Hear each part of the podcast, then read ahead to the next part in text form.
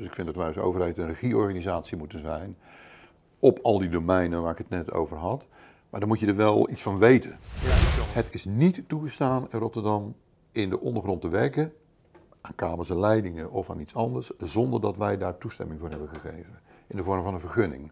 ja, die kijken volledig integraal. Ja, die, die, die, die, zijn, die zijn gewend integraal overal mee om te gaan. En hebben misschien niet eens ooit verzonnen dat dat verschillende domeinen zijn. Welkom bij de Praktijkmeesters Civiele Techniek podcast. Mijn naam is Patrick Wagenaar en in deze podcast bespreek ik hoe het nu eigenlijk in de praktijk werkt. Dit doe ik door het delen van tips, tricks en interviews om zo mijn civiel-technische praktijkkennis en die van anderen met jou te delen. Eh, vandaag een podcast met Wil Kovacs. Eh, ik kwam op jouw naam. We hebben, ik heb een podcast eerder gedaan met Berry Kok van het GPKL. En eh, toen ik die podcast ging opnemen, toen had ik aan Berry gevraagd wie moet ik absoluut nog spreken. Toen zei hij, moet je, eigenlijk moet je Wil in de podcast hebben. Dat is een, ja, dat is gewoon een brok kennis en ervaring op het gebied van ondergrondse infra, kabels en leidingen. We hebben contact gezocht. En eh, net in het voorgesprek, eh, toen zei je, eh, welke rol ga je zo meteen wat aan mij vragen? Want het is, ja, je hebt veel gedaan. Ja. En Misschien moeten we bij het begin beginnen. want- Ja, nou ja. eh, 19- eh, 1981 ja, ja, volgens mij. Ja, nou, glim van trots, hè, als, ik, als de naam verwezen wordt. en, en, en over de ondergrond praten vind ik echt een, een passie. Hè. Dus ik, ik, ik geloof echt in eh, de ondergrond als, eh, als een doel op zichzelf om dat kwalitatief eh, goed neer te zetten. Nou, als we, hoe, dat zover gekomen is, eh, dat is in ieder geval eigenlijk al begonnen eh, voor eh, 1981, eh, voordat ik bij de gemeente kwam in 1981. eh, eh, heb ik bij eh eh Mos Grondmechanica en bij aannemer gewerkt, maar ook in het ondergrondse domein. Dus eigenlijk mijn hele Ja. carrière, ook tijdens mijn opleidingen in stagebedrijf, altijd in die ondergrond eh, actief geweest. Eh, dus dat sprak me heel erg aan. En eh, ik kreeg ook de ruimte, 1981 is wel een hele andere tijd eh, dan nu, om kwalitatief eh, te ontwikkelen en eh, absorbeer maar kennis en, en vind maar leuk wat je leuk vindt en, en, en eh, doe je ding. Nou, in al die jaren, eh, via is het ingenieursbureau waar ik met ondergrondprojecten bezig was, alhoewel ik niet zoveel projecten gedaan heb, maar vooral in, in de ondersteuning om te komen tot informatie- en dataontwikkeling in die ondergrond eh, bezig ben geweest. Ben ik op een gegeven moment aan de afdeling riolering gegaan. Daar heb ik een jaar of eh, 13, 14 uiteindelijk eh, ook eh, leiding mogen geven aan de hele planontwikkeling van rioleringsprojecten en uiteindelijk die afdeling ook eh, mogen leiden. Vervolgens via allerlei stappen binnen de organisatie terechtgekomen ergens in 2006 in een nieuw te vormen organisatieonderdeel, een afdeling beheer ondergrond. Waarbij mij eh, toen eh, de ruimte is gegeven en gevraagd is om invulling te geven, de ondergrond als een, als een, eh, als een beheerentiteit op de kaart te zetten. Dus, dus wat we in de huidige terminologie zouden zeggen, we, zouden, we gingen asset management ontwikkelen voor de ondergrond. Mhm. Ja, en dan, niet, en dan voor het geheel. Dus je hebt asset management, riolering. Nee, nee, echt de ondergrond. Dus Echt, de ondergrond als, ehm, als fysieke ruimte, waarbij, waarbij de gedachte is dat die buitenruimte bestaat uit een aantal componenten. De bovengrond, de plattegrond en de ondergrond. En dat totale product ehm, moet goed beheerd worden, hè, ook in ons geval vanuit de stedelijke verantwoordelijkheid. En, eh, en dan dat domein ondergrond, waarvan we op dat moment nog eens even goed moesten nadenken hoe, hoe, hoe, hoe, hoe, doe je dat nou? Wat is nou ondergrond? In ieder geval, iedereen heeft ermee te maken. Je loopt erover, je wandelt erover, je bouwt erop en je maakt er gebruik van. Nou, dat zijn we gaan ontwikkelen. En in die rol ehm, mocht ik, of was het eigenlijk misschien zelfs wel randvoorwaardelijk eh, nodig, om een groot deel van mijn tijd dat vakgebied eh, te verkennen, eigen te maken en daar ook een rol in te hebben. Dus een groot deel van mijn tijd, pak een beetje een kwart, eh, kon ik inzetten in landelijke trajecten, in normcommissies, in eh, congressen, in, in eh, eh, eh, ja, leermomenten, in het opdoen van ervaring met andere mensen, andere deskundigen. En heb ik dus de gelegenheid gekregen om te absorberen, om het vervolgens in de eigen organisatie weer te kunnen toepassen. Dat is wel- het is wel een mooie, mooie kans natuurlijk. Ja, dat was een geweldige kans. en en ik, ik, vind die ondergrond ook echt leuk. Vond die ondergrond ook echt leuk. Dus wat, wat mij geboden werd, is om aan het werk te gaan in iets waarbij, waarbij ik eh, dus in de luxe situatie ben gekomen. dat eh, in, de, in ieder geval in die, in die 42 jaar dat ik bij de gemeente eh, werk, geen enkele dag met een teleurstelling naar mijn werk ben hoeven gaan. Hè. Dus ik, met, met plezier ging ik aan het werk en probeer ik ook bezig te zijn met dat waar, eh, waar ik aandacht aan eh, kan geven. Ja, en volgens mij, voor mijn gevoel nog steeds. Want Ja, nog als- steeds, Als we nog steeds. Ik- beginnen, dan uh, ja, de ja, nee, energie ik- neemt helemaal toe. Ik vind Ik, het ik, moet ook over 2,5 jaar met pensioen. ja, dus ik, ik, ik, natuurlijk mag ik met pensioen, maar ik, ik, ik beleef het als dat ik met pensioen moet. Ik, ik, ik ben volop bezig op dit moment om alles wat ik doe in kennis en kwaliteit over te dragen aan, eh aan young professionals, aan de mensen die het over willen nemen, aan eh, eh, mensen die daar een kans in willen hebben of die zeggen van joh, eh, laat mij dat maar doen, geen enkel probleem. Omdat uiteindelijk de kwaliteit van dat product voor mij het belangrijkste is en niet dat ik ermee bezig ben. Dat plezier heb ik de afgelopen 42 jaar ja, gehad. ja, ja. En ik, en ik, kan niet, ehm, ik kan niet meer genieten dan dat ik een jong professional ergens een verhaal zie verkondigen of ergens mee bezig zie zijn of een resultaat zie, zie, zie bereiken. Waarvan ik, waarvan ik in mijn achterhoofd weet dat ik daar misschien in geholpen heb en een bijdrage bij heb kunnen leveren. ja. Ik kan geen grote compliment krijgen als iemand mijn ideeën stilt en dat verkoopt als eh, product om die ondergrond beter te positioneren. ja. Dat Vind ik niet erg, dat vind ik een compliment. Dus je, je Ja. doel is dan bereikt. Ja, dan is mijn doel in ieder geval op dat onderdeel bereikt. Ja. En wat was voor, voor, eh, eh, voor Rotterdam eigenlijk de, de aanleiding om zeg maar jouw eh 25% van je tijd vrij te maken, puur op die, op die ondergrond? Eh, was er iets gebeurd? Liep, liep de gemeente ergens tegenaan? Of, want het, ja, de noodzaak was er. En ik vraag het omdat, om, je gaf net Ja. in het gesprek eigenlijk aan, ehm, ja, bij Rotterdam eh, mag je gerust zeggen, zijn jullie eh, koploper. Ja. Ehm, wat maakte het dat, het dat je dit mocht gaan doen? Nou, kijk, Rotterdam heeft traditioneel eh, altijd aandacht gehad voor de ondergrond. Eh, door te registreren, door er actief mee bezig te zijn. Voor een deel is dat ook door omstandigheden ingegeven. Maar als je naar het verleden kijkt, dan ergens in 1835 is men begonnen met te registreren wat er in de ondergrond aangebracht werd. Eh, we hebben nog, nog oude kaarten waarop de eerste telefoonnetten en de eerste stadsgasnetten aangelegd zijn in de stad die in 1835 de stad was. Waarom ze dat zijn gaan doen, geen idee. Eh, eh, men wilde eh, beheren en, en ongetwijfeld waren de, de stadswerkers, zoals de ambtenaren toen heten, hun tijd allemachtig ver vooruit. Maar door te registreren en, en dat altijd te blijven doen, is uiteindelijk goud eh, in handen gekomen op, op de momenten dat het echt nodig was om daar door te ontwikkelen. Nou, natuurlijk is de Tweede Wereldoorlog, waar heel die binnenstad eh, aan puin is eh, gegooid en verbrand, een, een enorme impuls in, in, in vervolgens iets doen met dat soort eh, informatie. Ook de, de, de wederopbouw eh, vroeg op dat moment om goed te weten waar wat ligt. En niet alleen kabels en leidingen, maar ook waar oorlogspuin gelaten is, waar rommel in de grond is, waar funderingen in de grond zijn blijven zitten.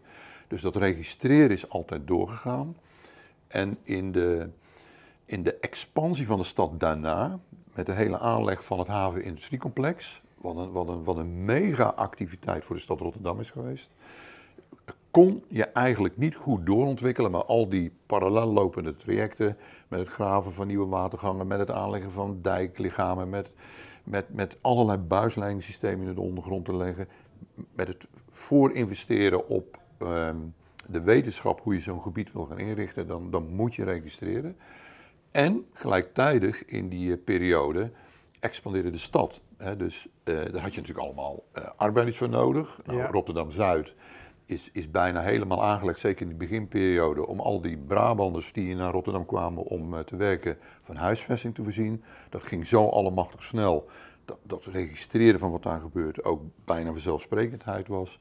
En later in de ontwikkelingen van Ommoord, Zevenkamp, eh Nesselanden, eh, aan de bovenkanten van Hilgersberg en eh Schieberoek, Overschie, gebeurde precies hetzelfde. En dus toen ik in 2006 aan de slag mocht met dat, met dat beheren van die immense ondergrond, eh, lag er natuurlijk een geweldige schatkist klaar op basis waarvan we verder konden. Eh, dus dus eh, inzicht hoe die ondergrond eh, eruit zag, hadden we dus voorhanden. Mhm. Met, met eh, allerlei eh, informatie, die, die in die tijd ook geëvalueerd is. Want toen ik bij de gemeente kwam, was het allemaal handmatig werk met een, met een rotoringpen En- met kraspennen, radeermesje. radeermesjes, hè, op, op grote kalks en grote afdelingen waar 20, 30 tekenaars niks anders zaten als de revisietekeningen die binnenkwamen te verversen. Nou, inmiddels is dat natuurlijk met eh, digitale S-beeld tekeningen die binnenkomen, druk op de knop en je hebt het eh, eh, verwerkt. Maar het principe blijft hetzelfde. Dus konden wij in 2006 eh, vrij snel overgaan tot het ontwikkelen van, eh, van een visie. Hoe je, hoe je zeg maar 30 jaar vooruitkijkend met die ondergrond zou willen omgaan. Eh, wat dat voor de toekomst, voor de stad kan betekenen en hoe je daar dan invulling aan kan geven. En juist om, om, om goed te kunnen ehm, acteren in dat, in dat ontwikkelen van visie en beleid, heb ik alle ruimte gekregen om eh, samen met eh, een aantal mensen uit het team toen kennis te vergaren en, en dus de boer op te gaan, her en der, om me te vragen hoe doe jij dat? En wat zijn jouw ervaringen? En, en ja, nou, op pad gaan en met mensen praten kost tijd en eh, zo, zo is die, die periode en, en die 25% ingevuld. Ja, Vervolgens ben ik wel iemand die dan ook graag eh, aan het stuur zit. Hè, de, de- want als je dan toch de ruimte krijgt, moet je het ook eh, goed doen. het ook goed doen. Eh, en, en is de, het, het aanhaken in, zeg maar, in- met het Normalisatieinstituut in de mogelijkheden van normen en, en werkgroepen die daarmee te maken hebben. In samenwerkingen met een organisatie als het COB. Maar ook in ambtelijke overleggen met het ministerie voor de ontwikkeling van een aantal visies en gedachten. Zeker op het gebied van veiligheid, ik moest dadelijk maar even op terugkomen. Eh, en met organisaties als het GPKL eh, en, en ander type organisaties, als bijvoorbeeld de Vereniging voor Sleuveloze Technieken, de no-dig-technieken. ehm, ehm, om die verbinding met ons als eh, overheid eh, te leggen. Eh, dus ik vind dat wij als overheid een regieorganisatie moeten zijn op al die domeinen waar ik het net over had. Maar dan moet je er wel iets van weten. Ja. Je kan alleen maar regisseur zijn van een film als je snapt dat een film uiteindelijk iets is wat aan een groot publiek gepresenteerd wordt. Dus eh, nou, zo kijk ik ook tegen dat domein ondergrond aan. Het is in feite eh, de blauwdruk voor een film waarbij je die transparantie van die ondergrond aan de hele BV Nederland wil aanbieden. Ja, je zei net GPKL, daar hebben we al een keer een Ja. podcast mee Ja. gehad. Eh, COB, Centrum Ondergronds Bouwen. ja, Eh, wat ook een, een grote organisatie is, wat eh, eh, voortgekomen is uit met name de tunnelbouw. En vervolgens haar vak expertise volledig inzet met haar netwerk op de bouwactiviteiten in de ondergrond. ja. Wat jij omschrijft vind ik wel als regie, zeg maar, als je als regiegemeente regie gaat voeren, moet je inderdaad weten waar je het over hebt. Daarom zit jij in heel veel van die groepen. Mhm. Eh, neem je kennis over en deel je kennis. Eh, je zei Rotterdam is eh, ja, koploper.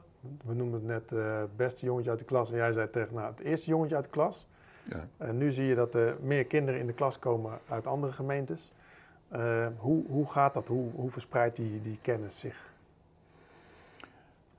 Nou, de kennis vers- verspreidt zich prima. We hebben ehm, eh, in het hele land eh, goede contacten met, de collega's, ook in allerlei vakdomeinen, ook in de brancheorganisaties. Dus die kennis verspreiden, eh, dat lukt wel, en kennis delen.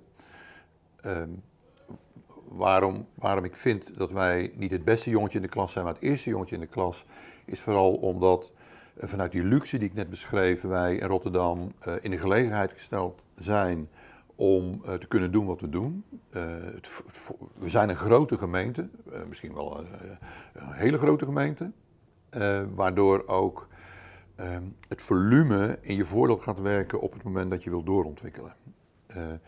Als je kijkt naar de activiteiten die in Rotterdam plaatsvinden, dan, dan praat je zo tussen de 480 en de 600 strekkende kilometer aan activiteiten per jaar aan kamers- en leidingwerkzaamheden.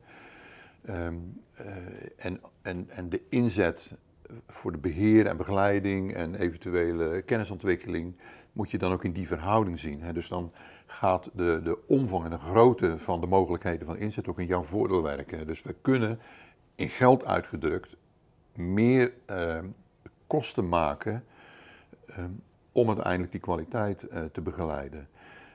Ehm, dat hebben we natuurlijk in de, in, de, in de vele achterliggende jaren ook gedaan.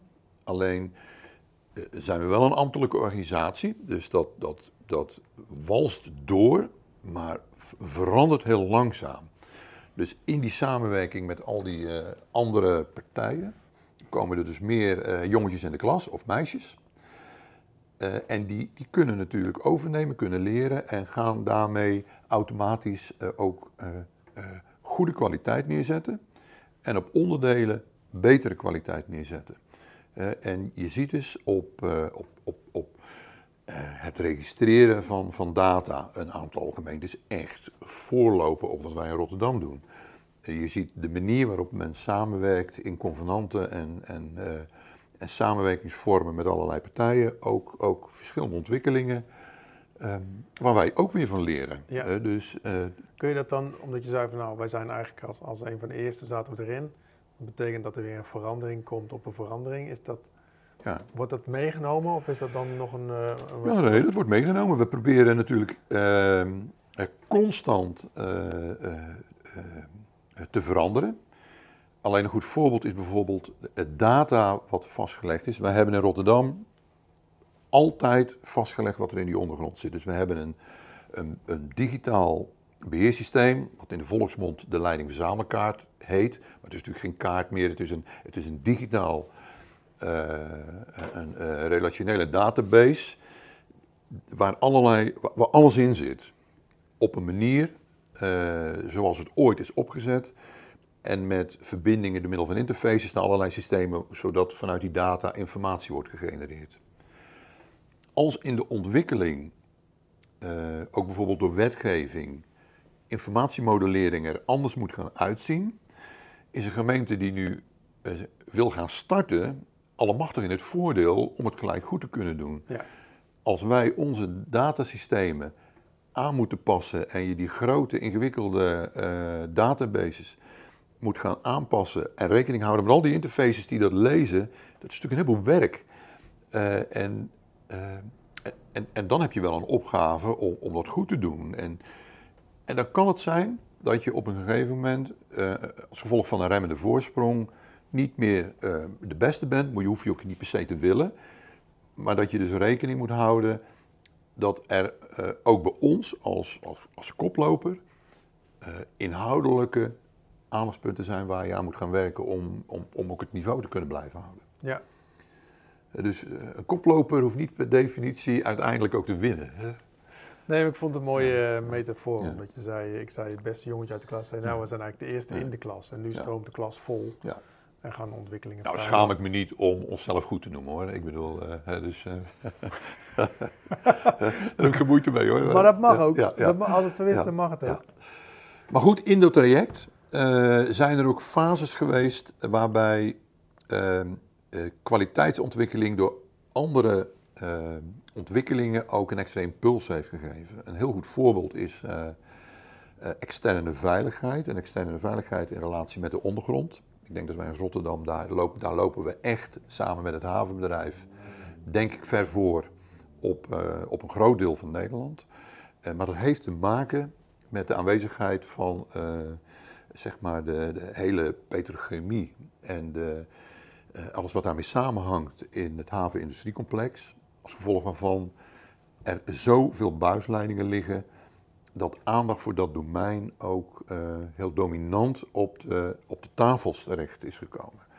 Het, het nadenken op welke manier met de eventuele risico's die te maken hebben met dat wat door die buisleidingen wordt getransporteerd, eh, heeft, een, heeft een stimulans gegeven aan, aan de kennis en kwaliteit van onze organisatie. Eh, de buisleidingen, transportsystemen zijn de vijfde functionaliteit, transportfunctionaliteit in Nederland. hè. Dus je hebt water, de lucht, spoor en de weg. En dan, Mhm. komt, eh, eh, dan komen de buisleidingssystemen.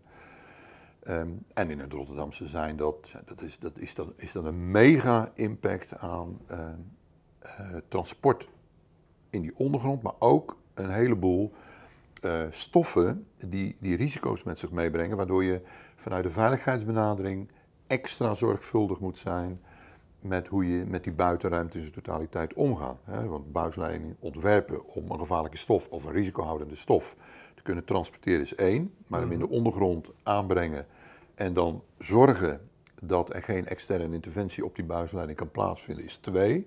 Maar bij ons leggen we er rustig 30 of 40 naast elkaar. Eh, en dan is ook nog eens het rekening houden met het gelijktijdig in die ondergrond zitten van zoveel eh, assets en objecten die eigenlijk allemaal een eigenstandig risico hebben.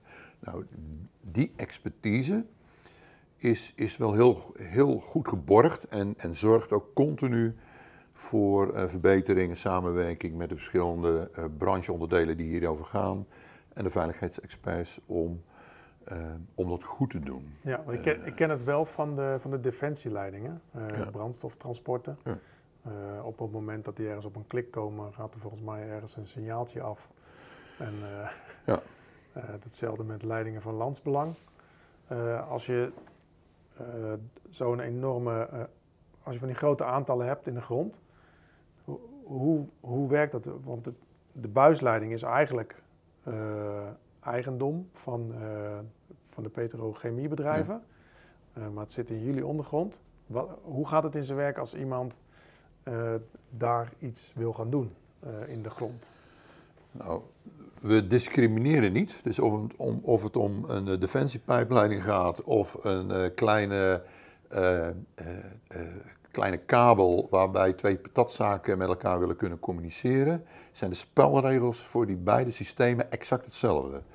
Het is niet toegestaan in Rotterdam in de ondergrond te werken aan kabels en leidingen of aan iets anders, zonder dat wij daar toestemming voor hebben gegeven. In de vorm van een vergunning. En eh, in, eh, in- zeg maar in, de, in de handboeken en in de verordeningen die daarvoor zijn, staat ook uitgewerkt hoe je daarmee om moet gaan. Het is eigenlijk heel simpel. Op het moment dat u in onze ondergrond wil werken, eh, moet dat onder de voorwaarden die wij aan u geven. Dus op het moment dat het een eh, eh, de defensiepijpleiding is, en laat het eh, met, met, met lekker brandbare kerosine zijn, Kerosine, dus, ja. eh, ehm, eh, met een economisch belang die ze weergaan niet kent. Dus een directe verbinding, ik noem maar wat, van Rotterdam naar, naar Italië, naar een van de vliegvelden. Dus dat, zijn, dat zijn serieuze leidingen. Ehm, dan, dan kennen we van elkaar natuurlijk goed genoeg de importantie van de leiding. Maar nog stellen wij de eisen waaraan gewerkt moet. We, we, we in overleg bepalen we waar je mag liggen, eh, aan welke voorwaarden je moet voldoen, in de aanlegfase en in de lichtfase. Dus in Rotterdam verstrekken we niet alleen een, eh, een legvergunning, hè, om het aan te mogen leggen, Mhm. maar ook een lichtvergunning. Eh, wat, wat, hoe je ermee om moet gaan tijdens het liggen in die ondergrond. Met zelfs voorwaarden als je, eh, als je er weer uit zou willen of als je de leiding niet gebruikt. Eh, en ehm, in de leidingstrook, hè, daar waar de risicohoudende leidingen liggen, is dat ook nog eh, in combinatie met een eh, uitwisseling met de brandweerorganisaties. Zodat we precies weten dat indien een incident zich voordoet, dan geldt er een eh, pijpleiding incidentenregeling. Die speciaal hiervoor in het leven is geroepen. Dat men ook exact weet, eh, als er een leiding een incident eh, geeft of een risico ondergaat, wat daar doorheen gaat. Eh, zodat de brandweer ook weet hoe ze ermee om moeten gaan. Is het blusbaar of moet Ja, je het ja. laten branden? En welke leidingen daar in de directe nabijheid liggen. Met daarbij ook de kennis van welk risico die lopen dan als gevolg van het incident wat zich dan voor zou doen of kunnen doen. En dat, als een incident zich voordoet, moet eigenlijk in een split second moet dat geregeld worden. Jawel, maar dat is ook zo. Dat- Maar we hebben de, de, zeg maar een, een calamiteitenorganisatie staat, eh, staat eh, eh, bijna per direct paraat. Dus de, kijk, als, als dat gebeurt met een leiding zie je dat vrij snel. Hè, dus, Ja. de- dit soort incidenten gebeuren die stiekem. Hè, dat, doet, dat, dit zijn leidingen waarbij de, de, zeg maar, de effect op de omgeving direct merkbaar is. En dan gaat dat circus gelijk eh, voldraaien. De meldkamers eh, geven dan groot alarm en dan gaat het hele circus gelijk in beweging komen. Ja. En ehm, nou eh, hebben we het over civiele techniek, over openbare Ja. ruimte. Openbare ruimte is eigenlijk continu in beweging. Ja. Ehm, hoe gaat het in zijn werk als er iemand met een initiatief komt eh, om iets te gaan doen in de openbare ruimte, wat mogelijk een conflict gaat opleveren met de aanwezige ondergrondse infrastructuur? Ehm, ehm, dat, dat kent eh, twee kanten. Eén is eh, op het moment dat wij een. En dan ga ik er even uit dat het een, een, een civiele activiteit is, als gevolg waarvan vastgesteld wordt dat kamers en leidingen in de weg liggen voor die activiteit. Ja, Ehm, als wij een vergunning hebben verleend als Rotterdam aan eh, infrastructuur, wat daar ligt, ma- mag men, dat is niet alleen een plicht, maar er zit ook een recht aan ontleend. De gemeente moet goed in de gaten houden, eh, vanuit een soort maatschappelijke eh, waarde, dat er niet aan kabels en leidingen gezeten hoeft te worden als het niet, niet nodig is. Dus bij een eventueel project, wat zegt, joh, ik wil, ik, wil, ik wil daar iets doen. En die kabels en leidingen moeten omgelegd worden. eh, schrijf ze even aan en laat daarna de compensatieregeling van toepassing zijn. Wat men dan vaak bedoelt, is laat de kabels en leidingen omleggen. eh, en, en ze liggen er al lang zat, dus de kosten zijn volledig ten eh, laste van de netbeheerder. Dat is Ja. vaak wat men bedoelt. ja, Nou, de gemeente moet dan goed naar kijken of dat wel een terechte benadering is. Dus stap 1 is dat in zo'n project gekeken moet worden, al dan niet in overleg met die desbetreffende netbeheerders, eh, of dat, dat project eh, vanuit de maatschappelijke beoordeling echt wel tot de conclusie mag komen dat kamers en leidingen omgelegd moeten worden, omdat dat de meest maatschappelijk verantwoorde oplossing is. Als het dat niet is, als we kunnen zeggen, als je een stukje opschuift, hè, bijvoorbeeld, eh stel je voor dat het- de, de tramorganisatie zegt, joh, we willen daar een ABRI plaatsen, daar ligt verdorie een stadsverwarming, joh, kan je die stadsverwarming niet even weg laten halen, dan kunnen wij onze ABRI daar plaatsen. ja. Nou, dat zijn voorbeelden die in het verleden echt wel gebeurd zijn. Ik ga niet zeggen dat het niet gebeurd is, maar dat, dat kan natuurlijk niet. Dat is, dat is maatschappelijk onverantwoord, dat je allemachtig veel kosten laat maken voor het omleggen van een stadsverwarmingsleiding, terwijl je eigenlijk ook de ABRI eind ve- verder kan zetten. Ja. Zoek een andere plek voor een ABRI. En dat geldt ook wel voor bebouwingen waarbij we kijken of het omgelegd kan worden. Op het moment dat het dan nodig is, dan zullen we ook in overleg met eh, de partijen kijken of, eh, eh, of de standaard nale compensatieregeling van toepassing is, waarbij een soort afbouw is van 0 tot eh 15 jaar. Waarbij je, als het ouder is dan 15 jaar, niks meer krijgt. En dan, ja, goed, dan gaat de verlegging aan de orde zijn vanuit de gedachte dat de stad nou eenmaal een levend organisme is en dat je geen garanties kan hebben voor het liggende ondergrond. De stad is wel bezig om aan een aantal eh, leidingen die echt dermate vitaal zijn, dat het, dat het maatschappelijk niet, niet verantwoord is om daar op deze manier mee om te blijven gaan. Dus die, die geef je een wat eh, eh, hogere status in die ondergrond. Ga je planologisch ook beter vastleggen, zodat de ontwikkelingen in de stad ook rekening moeten houden. Joh, weet, daar ligt een, een bepaald type leiding of een bepaald type kabel. Daar kan je zomaar niet mee omgaan. Pas je bouwactiviteiten daarop aan. Nou, dat proces van beter positioneren en toekennen van die planologische waarde dan zou bijvoorbeeld in, in een bestemmingsplan al Ja, dan kan je het in de bestemmingsplan opnemen, ja. Ja. Een aantal, kijk, buisleidingen met een gevaarlijke stof, daar is dat bij wet al eh, in geborgd. Die moet je al in het bestemmingsplan eh, positioneren. Maar er zijn veel meer eh, leidingen die een dergelijke prioriteit zouden moeten krijgen vanuit haar vitale rol voor, voor, voor, de, voor de maatschappij.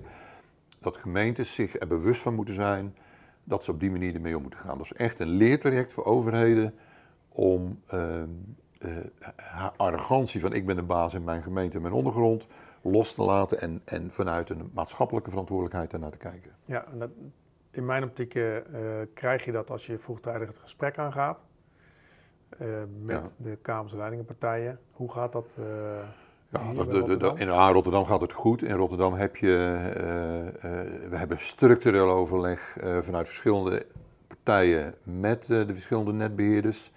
Men kent elkaar, men kent ook de, de, zeg maar de, de, de huisaannemers van die eh, netbeheerders. Dat praat veel met elkaar en dat lost al heel veel op in het voortraject. Daarnaast hebben we in Rotterdam met eh, de grote netbeheerders voor elektra, eh, stadsverwarming, gas, eh, water, riolering en de activiteiten van de gemeente een, een convenant waarbij we eh, vanuit de directiebevoegdheden, dus directieniveau, met elkaar praten om korte, middellange en lange termijn en dan in omgekeerde volgorde met elkaar te bespreken zodat je projecten met elkaar kan maken eh, zodat je allereerst die stad veel minder belast en het eh, overlast laat krijgen. Maar ook de strekkende meterprijs van eh, de, de gewoon naar beneden kan eh, krijgen. Waarbij we een aantal jaren geleden bij Evides vandaan gehoord hebben dat, dat die vorm van samenwerken wel tot 20% reductie van de meterprijs kan dienen in de projecten. Weliswaar dan gemiddeld genomen. Ja, en dat is- waar, je op, waar je op doelt is werk met werk maken. Werk met werk civiele maken. projecten combineren met eh ondergrondse infraprojecten als... Ja, ja, ja. ja, ja. Dus, dus dat je echt door goed te delen en die strategische data ook voor elkaar transparant te laten zijn, keuzes kan maken op welk moment je gelijktijdig die buitenruimte ingaat en hoe je ook bepaalde data deelt. Dus als je gelijktijdig eh, de, de ondergrond ingaat, of in ieder geval gelijktijdig in het project, hoef je maar één keer proefsleuven te maken, hoef je maar één keer grondonderzoek te doen, kan je je, eh, je facilitaire voorzieningen voor de arbeiders die, die daar werken, gewoon, hoef je maar één, je hoeft maar één toilettengroep te maken. Ja. Dus eh, je kan één bouwketen neerzetten. Eh, en daar haal je allemachtig veel winst uit. Eh, je kan misschien werken met één depot voor het materiaal. En, en daar zitten de grote winsten in. Ja, zeg niet dat we er al helemaal zijn, maar daar, daar, daar worden, niet alleen in Rotterdam ook, hoor. Ik, ik ken meer gemeentes waar deze samenwerking echt eh, haar vruchten begint eh, op te leveren. ja. Nou, ik ben al zelf ook in de projecten groot voorstander van samenwerken. Soms kan het, soms kan het niet. Mhm. Ehm, maar je ziet wel, als je die insteek hebt, dat de samenwerking al, al makkelijker gaat. Ja, nu, nu- nu moet ik, ik zeggen, ik geloof niet in dat samenwerken niet kan. Ik snap wel wat, wat je bedoelt. Het is niet altijd eh, mogelijk om gelijktijdigheid eh, toe te laten passen in projecten, dus om Ja. allerlei redenen niet. Ik, heb het puur, ik, Ja. kijk dan naar de uitvoering. Ja, ja. eh, Jawel, maar het bewust omgaan met singulier de buitenruimte in te gaan, dus dat je dus niet echt gezamenlijke projecten te maken, kan ook een, een, een hele verstandige keus zijn om uiteindelijk resultaat te maken. Ja. Dat, heeft, dat kan overal mee te maken hebben, soms met de snelheid van werken. Ehm, eh, eh, in sommige gevallen moet ik soms uitleggen dat het samengaan van eh, de verglazing in de stad met bijvoorbeeld rioleringsvernieuwingsprojecten, dat dat, dat, dat, dat, dat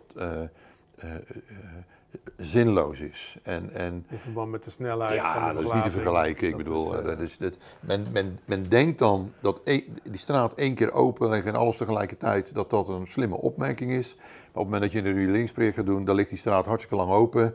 En die glasvezel, telecommers die die zijn, die zijn week, de, eh, na de ja. eerste twee dagen zijn ze alweer vertrokken. ja. Eh, de telecom geniet wel van zo'n situatie, want dan hoeven ze de bestrating niet open te gooien, dan kunnen ze aan de slag. Eh, alleen voor, voor de buurt is dat helemaal niet handig. En, eh, eh, en zeker als je meerdere ondergrondse infrastructuren gelijktijdig wil aanpakken.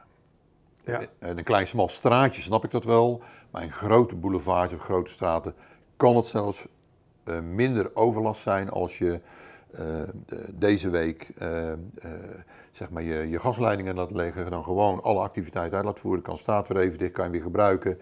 En dan een maand later de andere activiteiten, of misschien het naar binnen te brengen, de nieuwe gasaansluiting. Dan denken burgers, joh, daar komt men weer. omdat men de overlast herkent en daar een repeterend gedrag in ziet. Maar als je in, in absolute uh, overlastdagen ernaar kijkt, heb je veel minder overlast. Ja. Nou, dat uitleggen is nog wel een proces waar we met elkaar aan moeten werken. Ja, maar dat is ook lastig, want iemand die hoort ook wat hij wil horen natuurlijk. Uh, niet gestoeld door enige civiel technische kennis. Maar het, uh, hoe lastiger, hoe groter de uitdaging, zeg ik altijd maar. Ja, ja. Dus, andere gemeenten, kleinere gemeentes, hebben niet deze schaalgrootte. Die mm. hebben niet, kunnen misschien niet iemand vrijmaken of een team erop zetten. hoe, hoe kunnen zij dit aanvliegen? Um, nou, er zijn een aantal opties. heel wat gemeentes werken samen. Regelmatig contact met andere gemeentes waarbij gekeken wordt naar een soort bovenstedelijke samenwerking om, om op op bepaalde onderdelen van de kennisdomeinen uh, van, van, elkaar gebruik te maken. Um, wat heel belangrijk is, dat de aannemers die deze activiteiten verrichten, uh, ervaring opdoen op heel veel plaatsen waarbij, waarbij dat samenwerken ook goed uh, mogelijk is. Je ziet steeds meer projecten in design en construct en, en soms zelfs maintenance opdrachten vormgeven en met name die kleinere gemeenten zouden dus, zouden dus de aannemers met hun kwaliteiten veel beter kunnen benutten in vormen als omgevingsmanagement of, of, of planmatig combineren. Wat daarvoor nodig is, is echt het vertrouwen naar de aannemerij om, om jouw werk ook uit te durven zetten. En, en, en ehm, ik ken heel veel bedrijven die echt heel goed zijn in, in dit, in die buitenruimte ook voor elkaar te krijgen met alle processen. Als, er zijn allerlei portals die hierin ook, ook helpen. Uh, maar je moet het wel durven uit handen te geven. Uh, ja. uh, en, en, durf dan als gemeente echt de regierol te pakken. Hè. Zorg dat je een goede regisseur hebt.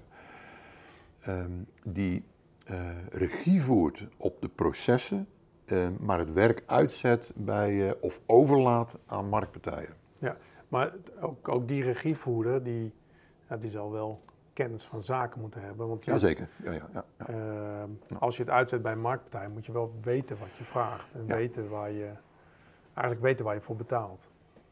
Ja, ja nee, goed. Ja, hè, dus je moet zorgen dat je expertise binnenhaalt uh, die, die dat kan. Uh, maar een goede, een goede regie uh, hoeft nog niet te betekenen dat jij die vakmatige deskundigheid moet bezitten. En, uh, als ik naar mezelf kijk in de ontwikkeling uh, van de afgelopen jaren in mijn rol, vind ik het fantastisch als iedereen mij goed vindt. Maar dat is, een, dat is een nou ja, voor een deel een onterechte eer op mij, omdat ik mijn rol heb kunnen vervullen door al die kwaliteitsmensen die om mij heen verzameld zijn en, en de mensen met wie ik heb samengewerkt, die die kwaliteit ook bereid waren te delen. Waardoor er een vertrouwensrelatie uh, is ontstaan, uh, die mij beter maakt, hè, omdat informatie mij bereikt. Maar waarbij de kwaliteit uiteindelijk door, door het team, totaal en het ja. team, um, maar, maar ook, ook door de, de, de partij waarmee we samenwerken. Hè. Dus ik, ik ga heel erg prat op mijn rol. Um, uh, waarbij ik, ik denk een, een vertrouwensrelatie uh, te hebben met al mijn, mijn, mijn netwerkmensen. Uh, omdat ik erin geloof om eerlijk en transparant te zijn. Daarmee word je niet altijd aardig gevonden, maar weet men wel wat, je, wat, je, wat, ja. je, wat je aan mij hebt. en, en gaat ik ook vanuit de belangenbehartiging van het product ondergrond. En in, in voorkomende gevallen, als het dus nodig is dat ik het belang van de ondergrond uh, beschadigd ziet worden door keuzes in de, in, bijvoorbeeld in de overheid, dan schroom ik er ook niet uh, om, om uh, het hoge management, dan wel zelfs het bestuur bij ons, aan te spreken op het gedrag wat nadelig werkt voor uiteindelijk het totale product. He, dus het is in projecten voorgekomen dat wij wethouders hebben moeten eh, corrigeren. Natuurlijk proberen we dat charmant en, eh, En subtiel. eh, en subtiel te doen. Maar goed, eh, hè, dus, en, en dat maak je dan goed. Nou, dat kan in kleine gemeentes ook. Als een kleine gemeente goed werkt aan eh, het netwerk te onderhouden en te zorgen dat je transparant en eerlijk bent. Als je natuurlijk iedereen met jou mee wil laten werken en de eerste de beste gelegenheid die je de, de, de, de kans geeft om te zeggen, ja, maar het komt me nou toch even niet zo uit, dan is dat vertrouwen in no. Is kan je, het alleen, dan kan je het niet meer herstellen. Komt te voet en gaat te Ja, paard. ja hè, dus je, nou, en, en ik denk dat dat goed kan. Aan de andere kant zijn er ook samenwerkingsverbanden, hè, zoals je hebt met het GPKL gesproken. eh, en er zijn meer eh, mogelijkheden om samenwerking vorm te geven dat je ook kennis moet delen. Eh, Nederland heeft van, van nature de neiging om alleen uit eilanden te bestaan. Nou, we zijn heel goed ontwikkeld om eh, te polderen. Alleen in personele organisaties zie ik nog wel dat we in staat zijn om eilanden ook een eiland te laten zijn. En de bruggen heel smal te laten zijn, zodat je, de, zodat je niet van je. Zodat, je, zodat door polderen je, je keizerrijk niet wegsmelt. Hè? Ja. Dus, eh, ehm, maar goed, dus, dat, is meer een, dat is meer een oproep om, om gewoon te beseffen dat eigenbelang eh, eh, niet kan in dit domein. Hier moet je met elkaar denken. En onder ons stopt bij geen enkele gemeente op de stadsgrens. Netbeheerders werken allemaal regionaal of in grote gebieden of zelfs nationaal of internationaal. En hebben gewoon last van dat sectarisch denken van sommige gemeentes. Ja, nu zijn er ongetwijfeld ook nog gemeenten die helemaal geen eh beheerder ondergrondse infra hebben. Ja, ja. Maar, maar, maar eh, het is onmogelijk dat een gemeente niet eh, met de ondergrond bezig is. Eh, het kan zijn dat gemeentes, zeker kleinere gemeentes, waarbij ook ehm, eh, zeg maar het aantal mensen wat er werk klein is. eh, en, en, en, en veel meer gecombineerde functies bestaan, dat dat in, in andere processen is opgenomen. Ik ben ooit wel eens bij een gemeente geweest waarbij het, het, het omgaan met de ondergrond bij, de, bij dezelfde persoon neergelegd was die ook ging over het huisvuil ophalen. Ja, Combi, eh, een soort combi-functie. En, en dan kom je misschien in tijd niet helemaal toe aan het onderwerp.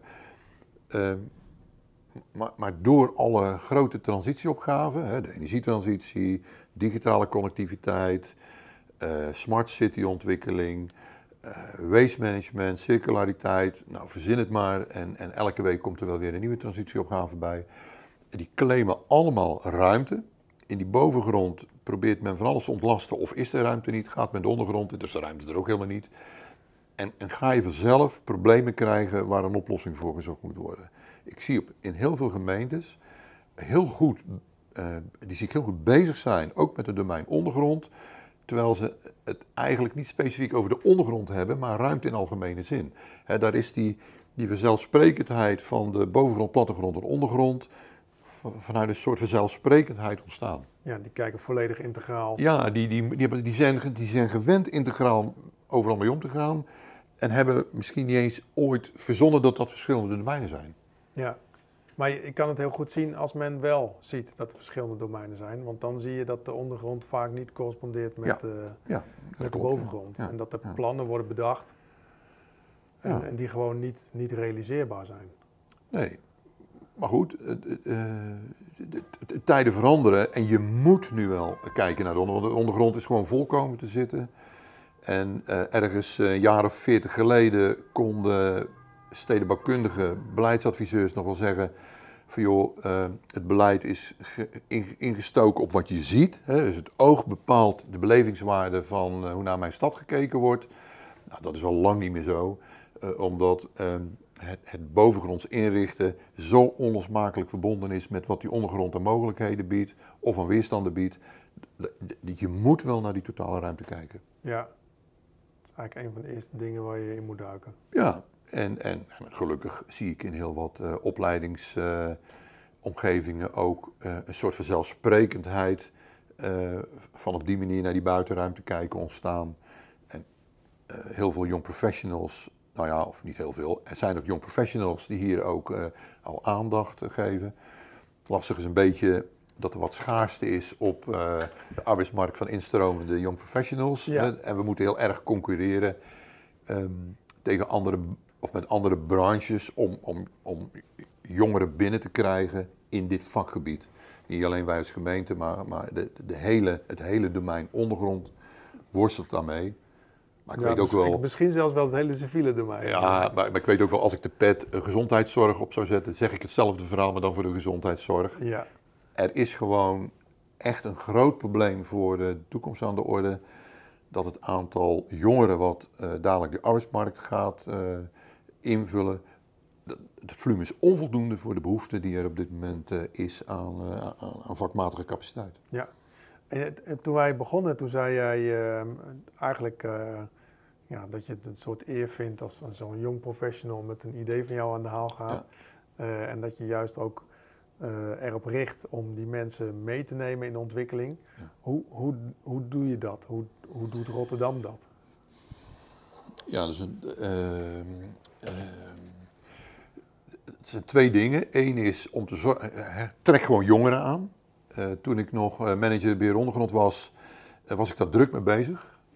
Eh, en eh, was de afdeling op een gegeven moment eh, zo oud dat ik me echt zorgen begon te maken. Gemiddelde leeftijd van eh, 52 of zo. Nou, dat is wel redelijk, redelijk op leeftijd.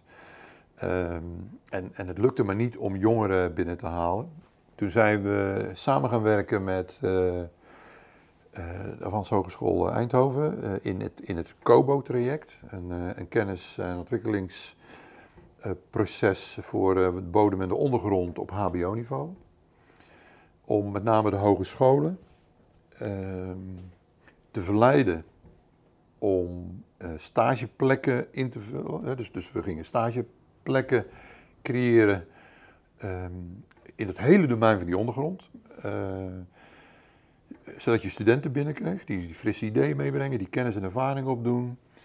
De onderwijsinstellingen te verleiden om in haar eh, opleidingsprocessen aandacht te geven aan het ondergrondse domein. In de huidige opleidingen is, is het omgaan met de ondergrond niet een vanzelfsprekendheid. Dat krijgt soms ergens wel een beetje aandacht, maar vervolgens eh, verdwijnt het in die wolk van wat eh, de jongeren allemaal nog meer moeten leren. Ja, ja, het is natuurlijk zoveel waar ze alles iets van meekrijgen.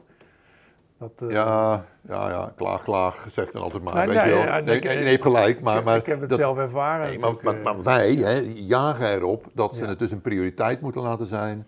Het is heel simpel, die ondergrond is zo'n essentieel onderdeel van eh, daar waar je uiteindelijk mee te maken gaat krijgen. eh, dat, dat het bijna van de zotten is als dat niet gebeurt. Weet je, die filosofie hanteer ik in mijn constante bemoeizucht met dat domein. Ehm, vervolgens ehm, eh, eh, maakt het mij ook niet uit als een student in die ondergrond waar die komt te zitten.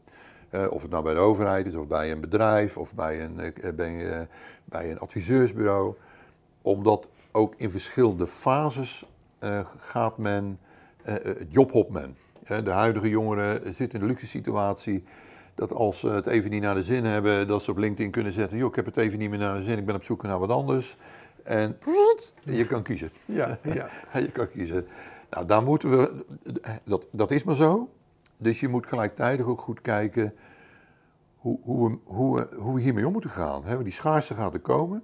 En die schaarste zal ons dwingen op een andere manier samen te werken dan dat we op dit moment doen. Wat de oplossing gaat zijn, weet ik nog niet. En dan, in, in, in de komende jaren is dat nog wel iets waar ik mee bezig blijf.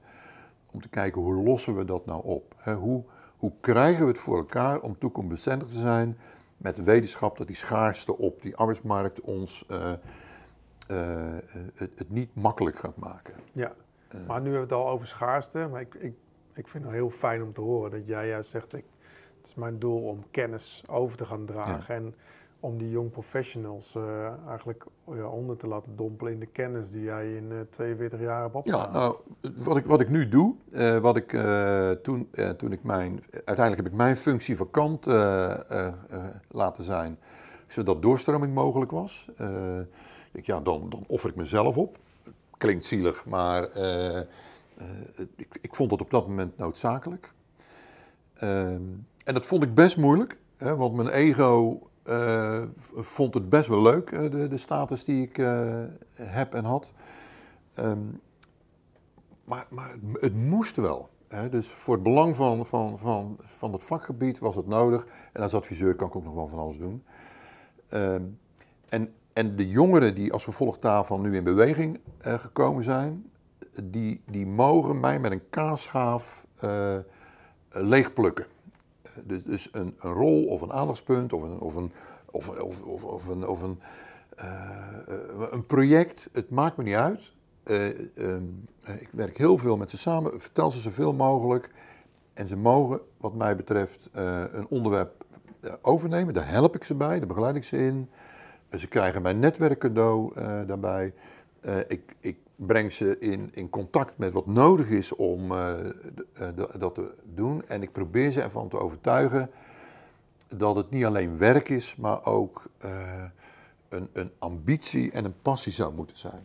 Ja. Dus kijk, ik geloof dat wat je ook doet, je dat alleen maar goed kan doen als je, als je gelooft in waar je mee bezig bent. dus als je, als, je, als je het leuk vindt dat mensen door een raam echt naar buiten kunnen kijken, kan je genieten als glazenwasser dat je hem schoon hebt gemaakt en dat iemand met voldoening door dat raam gaat staan te kijken. Nou, eigenlijk moet je ook zo kijken naar het beheren van die ondergrond. Een beheerder beheert en doet en loopt daarna ook weer weg, net zo goed als die glazenwasser weg doet. En een ander geniet en profiteert van het feit wat jij voor elkaar hebt gekregen. Ja. Nou, die, die rol vraagt om uh, niet een hoofdrolspeler in een toneelstuk te willen zijn uh, in het podium met die spotlights op jou, maar juist die regisseur die tussen de coulissen staat en geniet dat anderen acteren op het podium en uh, jouw kwaliteit neerzetten. Heel dienend eigenlijk. Een heel dienende rol. Ja, eigenlijk wel. Ja. Eigenlijk wel. En uiteindelijk is het helemaal niet erg, omdat in de aftiteling van een film de regisseur altijd met grootste letters op het einde toch tevoorschijn komt. ja. ik vond het wel mooi trouwens dat jij zegt van. Uh, uh, ik, ik, doe nu een stap opzij om je rol, om je plek vrij te geven. Uh, ik heb ooit een keer mocht ik een, mocht ik een cursus volgen bij Tibor Olgers. Mhm. En uh, die had ook een mooie, die zei, je begint, dan ga je leren, dan ga je absorberen van de mensen die het hebben gedaan, informatie opdoen, dan ga je het toepassen en aan het einde is het tijd om je plek op te geven en dan maak je ruimte voor de ander en dan ga je kennis teruggeven. Mhm. Dus ik vind het heel mooi dat jij dat, uh, dat, jij dat toepast. Er zijn een heleboel die dat niet doen en dat, ja, ik vind het zonde dat het dan op een gegeven moment dan Jij zegt, ik, ik moet met pensioen. Dus ik, heb, ik heb het idee dat je misschien helemaal niet gaat. Of misschien uh, blijft uh, Nou, ik ga wel, want anders heb ik thuis iets uit te leggen. Maar, ja. maar ik vind het wel mooi dat je dan al bezig bent met zeg maar, hoe je uiteindelijk je, je plek achterlaat. En dat je ja, de mensen er gewoon de kans geeft om, om zoveel mogelijk kennis, kennis en ervaring op te doen in die korte tijd. Ja, maar de, die, die credits gaan voor een groot deel ook wel naar uh, de organisatie waar ik in werk bij, bij in Rotterdam. Omdat het natuurlijk ook van, van de werkgever een fikse investering is om iemand zoals ik betaald wordt, de ruimte te geven om in feite op deze manier een andere vorm van productiviteit neer te zetten. Ja. En ik doe heus nog wel een aantal klussen, maar dit betekent wel dat een soort meester-gezel situatie gecreëerd wordt waar de, waar, de werkgever dus bereid toe is om te betalen om, die kap, om dat, dat kapitaalkennis ook uh, over hem te willen houden. Ja. Uh, dus uh, natuurlijk moet ik het doen en ik moet het, ik moet het ook wel willen. En, en, ik, en ik herken van mijn collega's dat sommigen liever tot de laatste snik gewoon echt hun rol willen blijven vullen. En, en ja, dan maar als ze weggaan zeggen, nou, hè, fantastisch, na mij de zondvloed. Ja. Nou, dat vind ik gewoon, dat gun ik het onderwerp niet dus ik, ik, wil per se uh, uh, mijn, mijn erfenis in mijn werkende periode nog overdragen. En, en eigenlijk straks constateren, ik zit me nu te vervelen, ik heb zoveel weggegeven, wat moet ik die laatste weektaak van mijn werkende bestaan nog doen? Ja, maar je ziet wel dat iedereen aan de haal gaat met, jou, ja, uh, ja, met jouw levenswerk en dat het eigenlijk gewoon doorgaat. Ja, en ik zie ook dat ze het leuk vinden. En, uh, en, en daar put ik echt nog uh, enorm veel plezier uit. Ik, ik, zie, ik zie Young Professional echt, echt, echt groeien. En, en natuurlijk ook, ook vallen en dan weer opstaan. En, en, dat geeft niks. Ik heb in mijn carrière zoveel fouten gemaakt dat als ik de blauwe plekken zou moeten tellen, dan, dan houdt het op een gegeven moment op. Daar word je alleen maar sterker van. En eh, als ik heel eerlijk ben, zonder dat ik ze wil gaan beschrijven, mijn allergrootste fouten, want natuurlijk heb ik hele domme dingen gedaan. Dus, eh, gaan we al richting een tip? of niet? Ja, ja. Mijn alle, nou ja, mijn allerdomste fouten hebben mij in mijn carrière het beste vooruit geholpen. Door ze niet uit de weg te gaan, door ze te erkennen, door gewoon sorry te zeggen, maar dan wel aan de slag te gaan om het op te lossen en mijn eigen fouten te herstellen. En eh, een organisatie, ik kan heel makkelijk constateren, hey, je hebt een fout gedaan, maar zal, zal veel meer waardering hechten aan het feit dat je met een, met een oplossing komt. En, en dat is ook eh, wat ik, dat is, in ieder geval een tip, wat, wat ik iedereen mee wil geven. Durf gewoon fouten te maken. Kijk, als je bewust onbekwaam gaat handelen, is het een beetje dom. Dan ben je gewoon dom bezig. Maar als je onbewust onbekwaam handelt, is het een onderdeel van je leerproces. Ja. En als je geen fouten maakt, doe je niks. En als je, nee, dan zit je kijk, als je gewoon achter een gesloten deur thuis gaat werken, maak je niet veel fouten. Eh, Tenzij je dat al een fout noemt. Maar, eh, eh, en, en, en er is, ik bedoel, dat is helemaal niet erg. Ik, en ik vind het allemaal geen fouten. Het is, het is, het is iets, wat, iets wat gebeurd is. Ja, Ja, dat, dat, ge- dat kan. een leer. Ja, Dat is een leermoment. Ja. Nou, even nog, hè, wat je zei, een tip richting dat, dat hele beheerveld eh, in die ondergrond. ehm, wat ik op dit moment eh, zie, is dat in heel veel eh, gemeenten en ook bij wat andere overheidslichamen die ondergrond echt wel goed op het netvlies terecht aan het komen is. Dat er wel gelijktijdig een vaststelling is dat er zoveel opgaven zijn dat je, dat je bijna door de bomen het bos niet meer ziet om tot een oplossing te komen. En dat dat echt op een, eh, op een, op een redelijk hoog abstractieniveau vraagt om regie.